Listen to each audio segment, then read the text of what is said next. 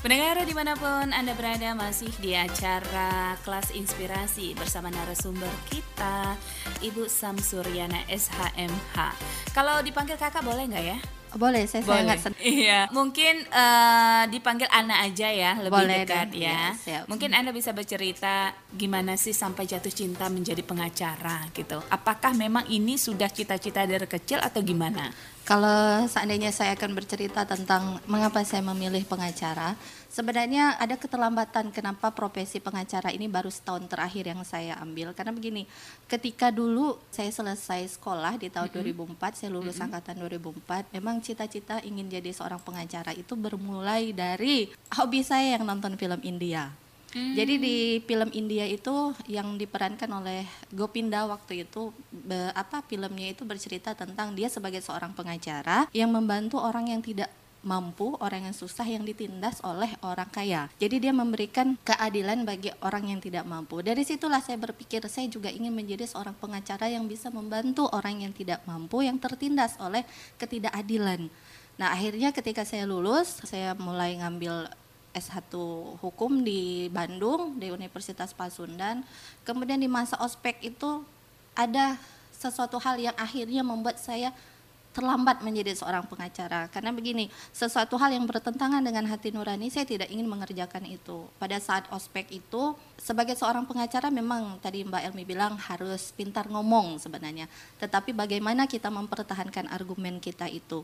Cuma ada sesuatu yang saya merasa saya tidak akan menjadi seorang pengacara kalau saya menjadi orang pengacara itu membela yang salah. Karena pada saat itu ketika kami ada suatu perlombaan bagaimana memenangkan kasus di saat itu posisi saya merasa wah saya tidak akan kalah sebenarnya. Cuman pernyataan yang diungkapkan itu yang membuat saya merasa mengundurkan diri. Pada saat itu argumen ini saya cerita ya pengalaman saya. Di situ eh, ada argumen yang harus mempertahankan bahwa di dalam Islam boleh pacaran.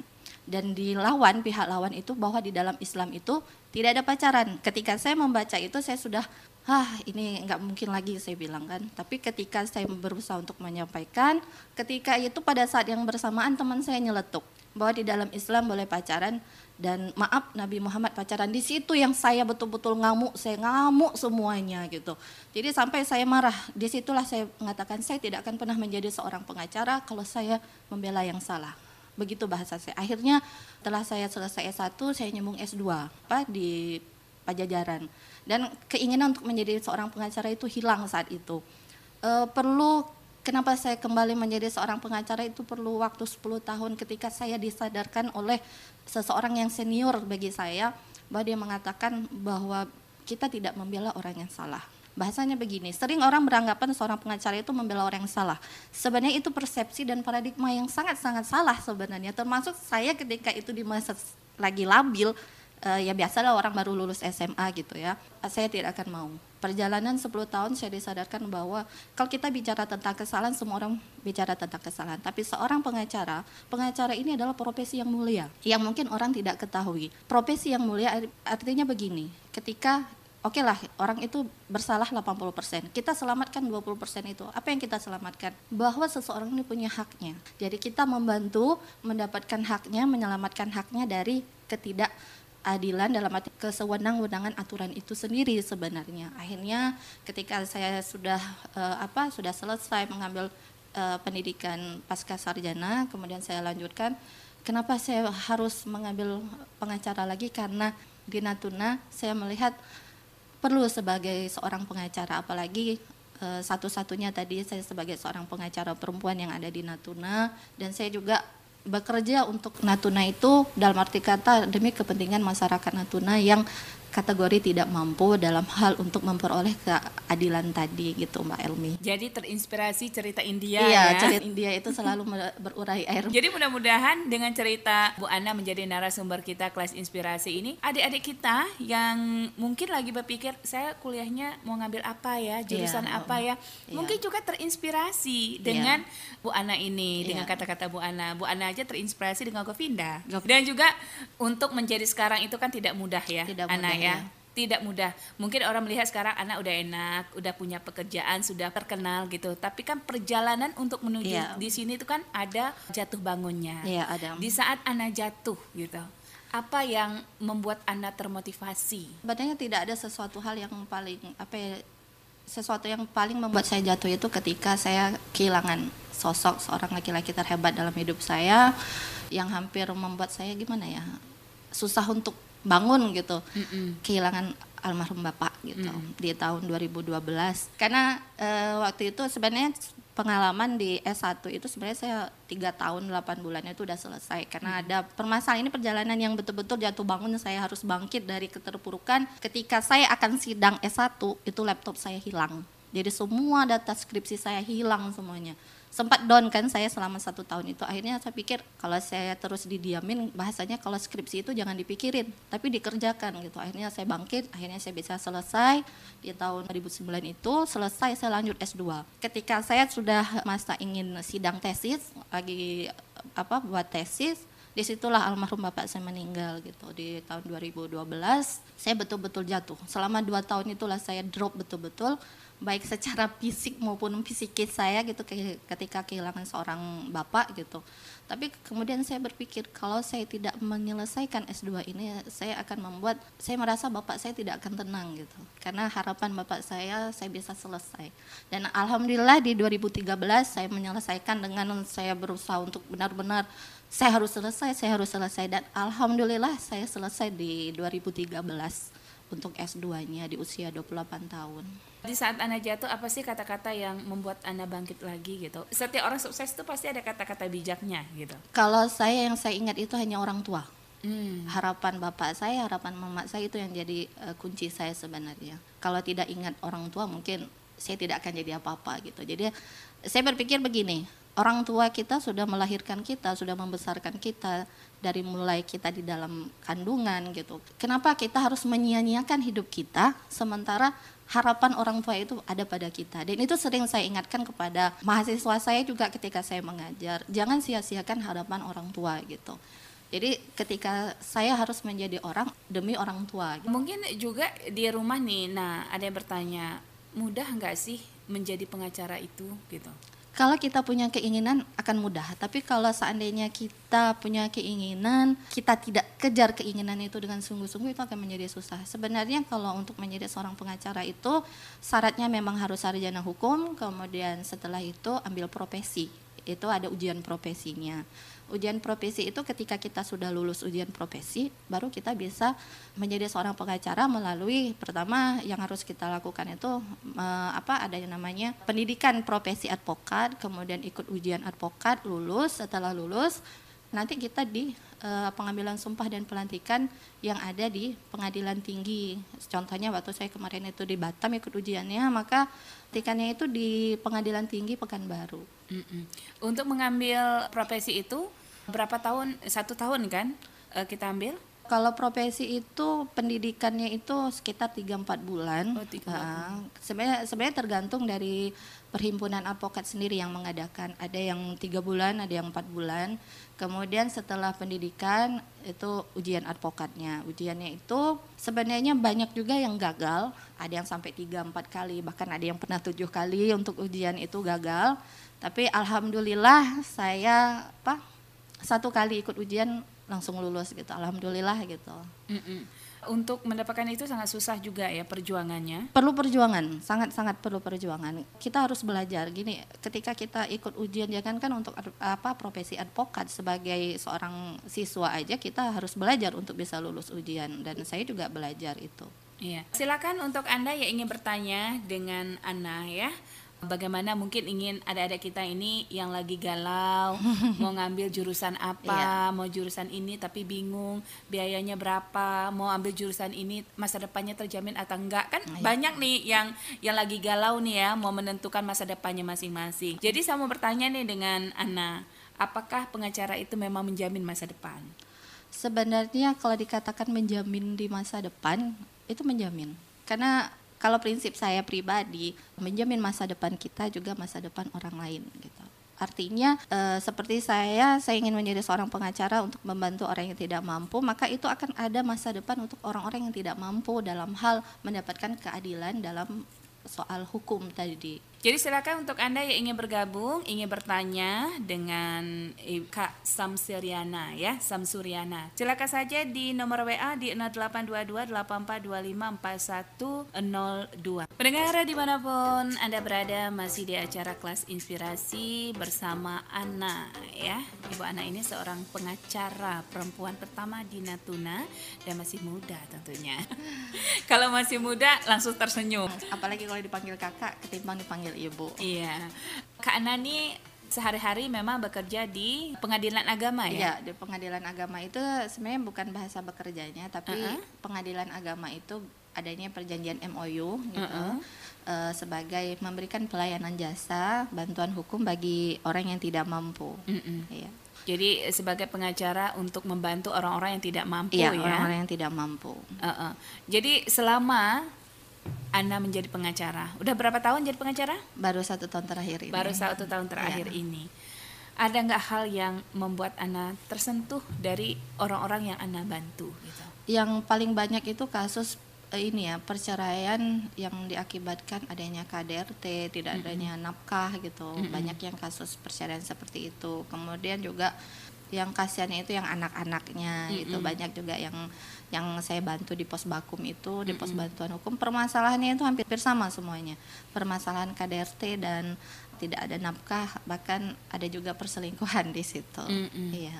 Iya. Terus nah selama Ana menjadi pengacara ini uh, selama Anda Ana berkarir di dunia yeah. pengacara ini apa sih uh, mungkin ada satu momen yang membuat Ana bahagia sekali gitu? Mungkin penghargaan atau apa kalau penghargaan sebenarnya mungkin bagi orang sangat menghargai saya tapi bagi saya itu apa ya saya tidak gila dengan penghargaan gitu. Jadi apa yang saya lakukan saya berpikir begini apa yang saya lakukan itu sehingga saya punya moto begini manfaatkan aku agar aku berguna. Itu bahasa saya gitu. Jadi apa pun yang bisa saya lakukan dan itu demi kepentingan umat kepentingan orang itu yang membuat saya bahagia. Begini, ketika kita sudah berbuat baik kepada orang dan kita merasa betul-betul apa yang kita kerjakan itu ikhlas, kita akan sangat-sangat bahagia. Jadi bahagia itu tidak diukur bahwa kita punya materi sebenarnya. Ketika kita bisa membantu orang dalam hal sekecil apa pun, itu akan membuat kita menjadi bahagia sebenarnya.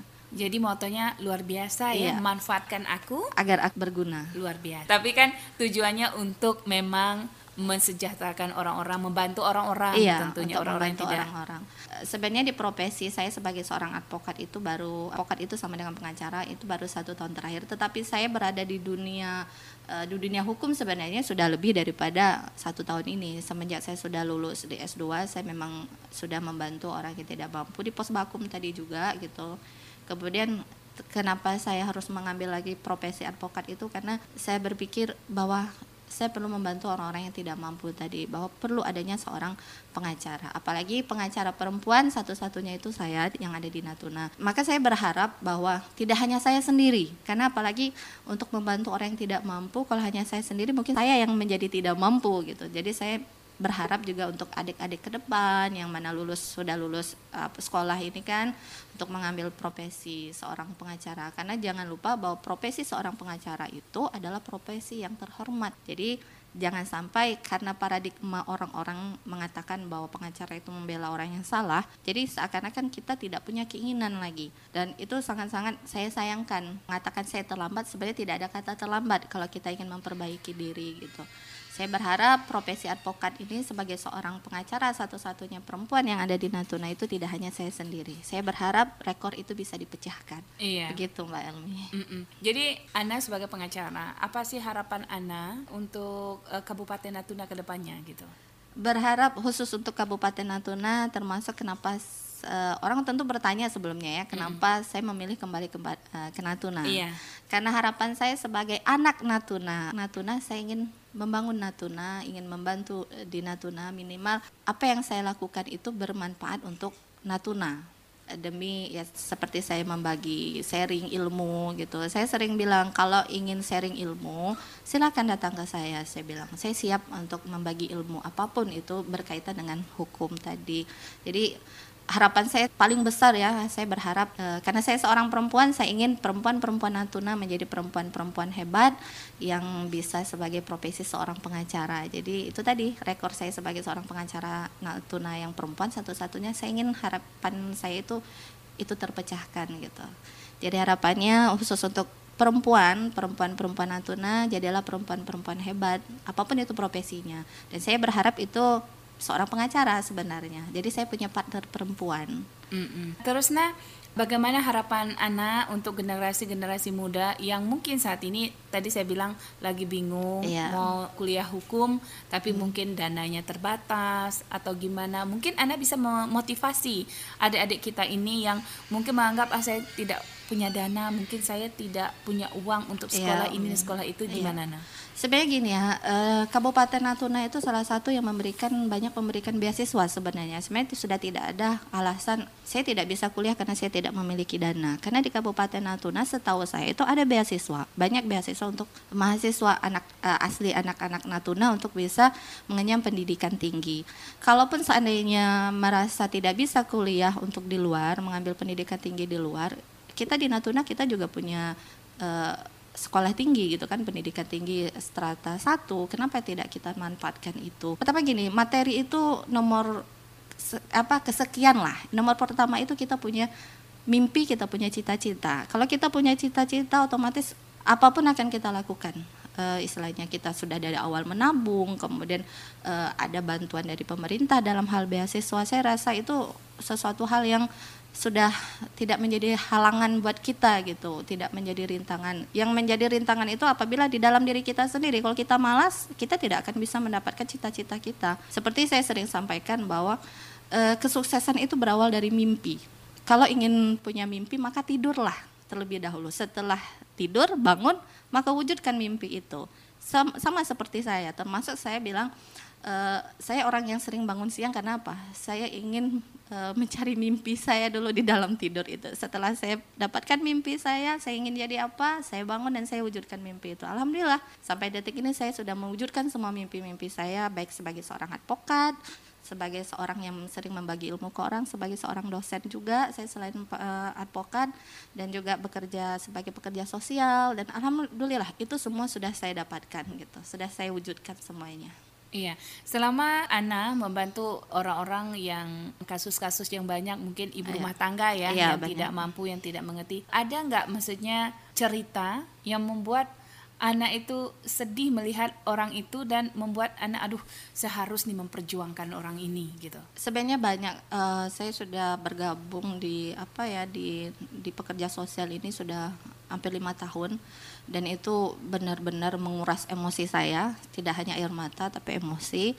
Termasuk kasus yang paling banyak itu kasus anak juga uh, baik perempuan. Apalagi kalau berkaitan dengan kasus anak darah saya mendidih secara pribadi. Jadi ketika saya di menangani masalah orang gitu, jadi saya jadinya baper gitu. Sebenarnya secara profesional itu kita tidak boleh baper sebenarnya. Saya juga hampir sempat ingin mengundurkan diri karena saya tidak mampu dengan masalah-masalah karena sayanya yang baper gitu. Tapi saya pikir kalau saya mengundurkan diri apa yang terjadi begitu kan?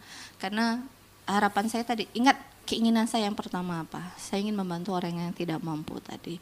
Jadi memang banyak sih yang hal-hal yang menguras air mata, bahkan juga tidak jarang mendidih emosi saya ketika ada permasalahan yang berkaitan dengan anak, perempuan dan anak. Tapi yang paling membuat saya mendidih itu kalau permasalahan anak tadi. Karena banyak sebenarnya kasus-kasus perempuan dan anak yang ada di Natuna ini sebenarnya. Iya, di saat tadi Anda bilang kalau saya menangani kasus masalah anak dengan perempuan itu membuat tidak tertahan emosi. Iya. Jadi bagaimana anda mengendalikan emosi tersebut gitu supaya kasusnya pun selesai gitu. Sebenarnya gini, kalau kita apa pun profesi apa apa pun profesi kita ya sebenarnya kita bertindak harus profesional karena saya ingat saya harus profesional jadi saya berusaha ibarat kalaupun saya geram gitu apa yang saya lakukan saya menggigit uh, apa antara gigi atas dengan gigi bawah itu saya rapatkan sambil saya ngomong tetap harus manis gitu. Walaupun kita emosi kita harus tetap manis. Walaupun di dalam hati itu mendidih sebenarnya. Jadi belum pernah saya mengamuk kepada para pihak pada kalian itu nggak. Walaupun sebenarnya menggigil saya itu nahan emosinya. Tapi saya berusaha untuk profesional gitu. Iya. Tadi Ana bilang kadang-kadang orang salah paradigma salah berpikir bahwa iya, pengacara itu membela orang membela yang, yang salah. Bagaimana Anda meyakinkan orang-orang di sekitar kita gitu? Iya. Apalagi mungkin ada tetangga anak oh, pengacara nanti ini ini ini. Iya. Bagaimana Anda meyakinkan orang-orang itu gitu? Mungkin sebenarnya gini ya, kita sering lihat di televisi bagaimana banyaknya seorang advokat yang ribut di televisi, apalagi berkaitan dengan masalah artis kan. Jadi orang beranggapan, oh kemudian termasuk apa, menganggap bahwa profesi advokat itu membela orang yang salah karena banyak ya seperti kasus-kasus uh, koruptor gitu kan dibela, sudah tahu berbuat salah dibela. Sebenarnya tidak, kita tidak membela salahnya. Karena begini, bahwa orang yang bermasalah itu kan dia tidak paham hukum. Dia tidak mengerti hukum. Bagaimana proses uh, hukum acara itu berjalan kan dia tidak paham. Oleh karena itu dia butuh orang yang paham untuk mengurusi proses hukum tadi. Nah yang mengerti itu apa? Siapa? Uh, seorang profesi advokat. Jadi membantu. Karena begini ketika orang tidak tahu aturan hukumnya, ketika orang tidak tahu bagaimana proses hukum acaranya seperti apa, tentu nanti kita di, kita takutkan itu ada hak-haknya yang tidak diberikan. Kemudian ada hak-haknya yang dirampas oleh kesewenangan pemerintah tadi. Jadi kita membantu di situ. Jadi bukan kita membela orang yang salah. Itu pemikiran yang sangat-sangat salah saya bilang. Jadi intinya begitu, kita menyelamatkan haknya. Karena bagaimanapun juga bahwa manusia itu punya hak dasarnya, hak asasi manusia dan kita menyelamatkan itu sebenarnya. Selama Anda menjadi pengacara, eh, bagaimana eh, keluarga sama mendukung atau tidak? Sangat mendukung sekali sangat memberi mendukung. semangat ya, ya, ya memberi support.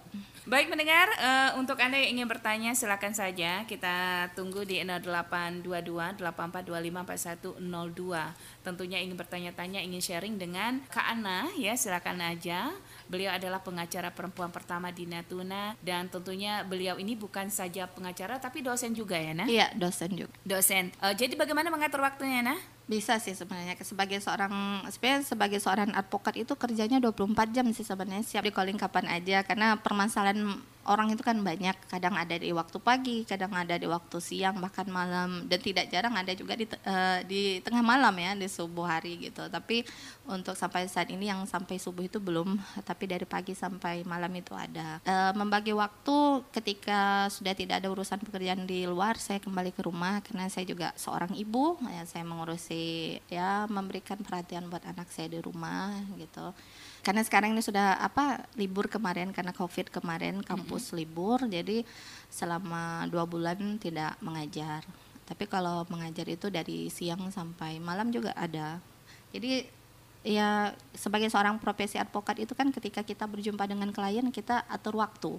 Kapan di waktu saya uh, apa saya kosong. Tapi sebenarnya tidak begitu juga karena kita berkaitan dengan kepentingan klien. Nah, kalau untuk kita bicara kepentingan klien, kita harus utamakan, utamakan kepentingan klien tadi.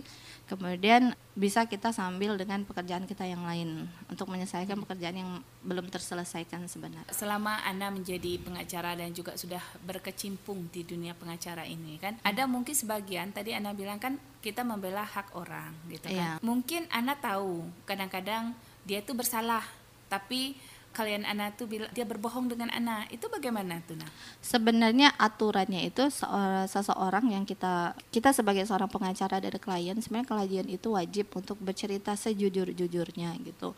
Kalaupun seandainya nanti ada klien yang berbohong itu bukan istilahnya begini seorang pengacara tidak bisa disalahkan karena uh, kliennya berbohong karena yang tahu kebenaran sebenarnya itu adalah klien itu sendiri gitu kan. Tapi sebagai seorang pengacara kami sering mengharapkan menghimbau bahwa apa yang disampaikan itu harus yang sejujur-jujurnya dan sedetail-detailnya gitu. Jadi karena begini, ketika berbohongnya nanti seorang klien itu akan mempengaruhi seorang pengacara untuk bisa sebenarnya begini ya, seorang pengacara itu tidak harus memenangkan perkara. Bukan bukan tidak harus. Bahasanya begini, sering orang mengatakan bahwa ketika memakai seorang pengacara itu harus menang. E, kalau prinsip saya, jikalau klien ingin menang, jangan saya jadi pengacaranya tapi kalau seandainya klien ingin mencari keadilan, saya akan membantu. Prinsip saya seperti itu sebenarnya. Banyak juga kita berpikir bahwa pengacara membela orang yang salah. Contohnya tadi saya bilang haknya. Orang yang koruptor dengan orang yang maling ayam itu kan sama-sama mencuri. Tapi kadar curiannya itu kan tidak sama. Apakah seorang pencuri ayam harus dihukum berat sama seperti seorang koruptor? Itu kan tidak. Nah, di situ fungsinya seorang pengacara bagaimana membela hak-haknya, bagaimana menyelamatkan keadilan bagi dirinya gitu. Karena tentu tindak pidana yang dilakukan oleh seseorang itu kan berbeda. Antara maling ayam dengan koruptor kan itu beda Kalau seandainya maling ayam dijerat pidana sama dengan koruptor itu kan tidak adil. Nah di situlah kenapa pentingnya ada seorang pengacara. Pengacara itu yang perlu saya ingatkan lagi bahwa pengacara itu adalah profesi yang sangat mulia. Jadi jangan sampai ada lagi paradigma yang mengatakan bahwa pengacara itu adalah membela orang yang salah. Tidak. Walaupun sebenarnya dia berbuat kesalahan tapi bukan salahnya itu yang kita bela, tapi hak-haknya yang kita bela. Begitu Mbak Elmi. Jadi uh, sekarang ini kita harus berubah lah cara pikir ya. ya.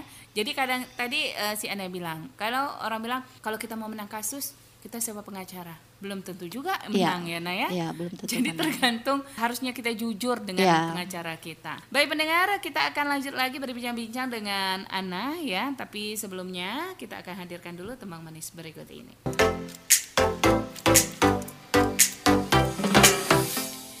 Pendengar di mana pun Anda berada masih di acara kelas inspirasi bersama Samsuriana SHMH. Beliau adalah pengacara perempuan pertama di Natuna. Jadi uh, ini kita sudah di akhir acara. Mungkin uh, ada pesan untuk masyarakat uh, Anda sebagai pengacara. Silakan. Ya, harapan saya yang paling besar itu adalah berharap bahwa anak-anak Natuna bisa menjadi anak-anak yang hebat apa pun profesi yang dia pilih karena saya sebagai seorang pengacara tadi saya berharap bahwa anak-anak Natuna bisa mengambil profesi advokat tadi mengingat bahwa e, masyarakat Natuna itu banyak dan untuk membantu masyarakat yang tidak mampu tentu juga dibutuhkan orang yang mau bersukarela untuk membantu orang-orang tadi.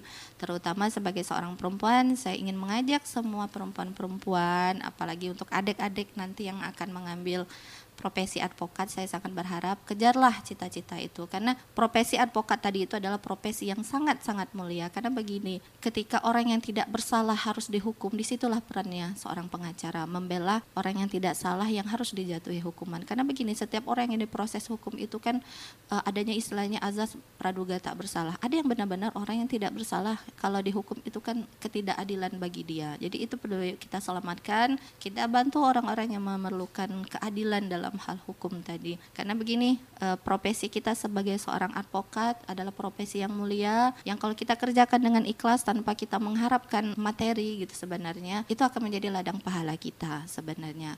Mengingat juga bahwa ketika kita kerjakan dengan ikhlas, hati kita akan bahagia karena perlu saya ingatkan juga lagi bahwa kesuksesan itu tidak harus kita memiliki harta yang banyak, kita tidak memiliki tidak harus memiliki materi karena bentuk bahagia kita, sukses kita ketika kita bermanfaat untuk orang orang banyak. Itu harapan saya uh, kepada anak-anak Natuna, jadilah anak-anak yang hebat, begitu Mbak Elmi. Jadi kalau mungkin uh, masyarakat di luar sana bertanya nih, kalau ingin menghubungi Ana, misalnya ibu-ibu yang ingin menyelesaikan kasusnya gitu yeah. ya, mungkin masalah anak, masalah perceraian, itu di mana?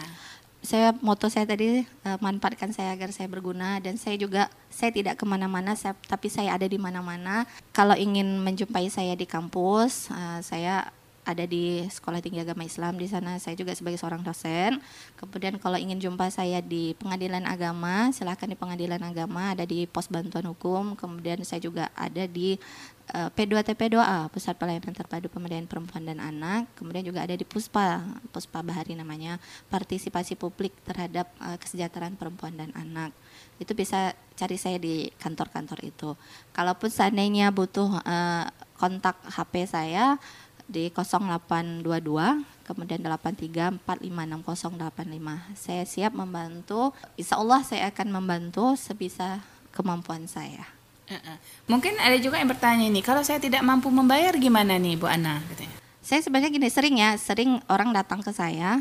Mungkin kalau orang bilang pengacara itu mata duitan, tidak tidak mata mata duitan itu tidaklah bukanlah seorang pengacara sebenarnya. Saya sering uh, ketika ada orang yang mengatakan saya tidak mampu membaga, uh, membayar seorang pengacara ketika dia di posisi dia sebagai seorang korban ataupun orang yang berhadapan dengan hukum. Saya bilang datang ke kantor saya yang di P2TP2A itu minta permohonan. Di situ nanti akan saya dampingi. Di situ tanpa biaya saya. Kalau seandainya saya menggunakan profesi advokat saya tentu kalau untuk orang yang mampu akan ada nilainya. Kalau untuk yang tidak mampu saya akan gratiskan. Kalau untuk kasus perceraian silahkan ke pengadilan agama. Kemudian kalau untuk kasus yang berkaitan dengan perempuan dan anak silahkan datang silahkan datang ke PD atau P2A. Kemudian kalau memang ingin datang secara pribadi insya Allah akan saya bantu. Jadi uh, pendengar bisa menghubungi empat kantor tersebut. Iya. Jadi di mana-mana Ana ada. Iya, ya? di mana-mana saya ada. Iya, terima kasih Ana sudah Sama-sama. menjadi narasumber kita Terima kasih uh, di juga. acara kelas inspirasi. Iya. Mudah-mudahan bermanfaat untuk Amin, pendengar kita di amin, rumah amin, amin. ya. Dan terima kasih untuk Ana sudah meluangkan waktu. Terima kasih juga sudah kita. diundang. Dan kita akan berjumpa lagi ya nah di Iya. lain kesempatan Eh, dan mudah-mudahan pendengar-pendengar kita ini eh, termotivasi untuk membela eh, hak-hak orang ya. Iya. Dan tentunya mudah-mudahan ini adik-adik kita yang lagi bingung nih Iya. mau ngambil jurusan apa, melanjutkan di bangku kuliah, mungkin dengar acara ini sudah berpikir oh saya ingin mengambil pengacara Ya, saja. semoga menjadi inspirasi untuk anak-anak Natuna, anak-anak yang hebat. Karena Natuna ini yang luar biasa, jadi orangnya juga harus luar biasa. Terima kasih pendengar di mana pun Anda berada. Demikianlah acara kelas inspirasi di pagi hari ini. Mudah-mudahan bermanfaat untuk Anda. Sampai jumpa dan selamat pagi.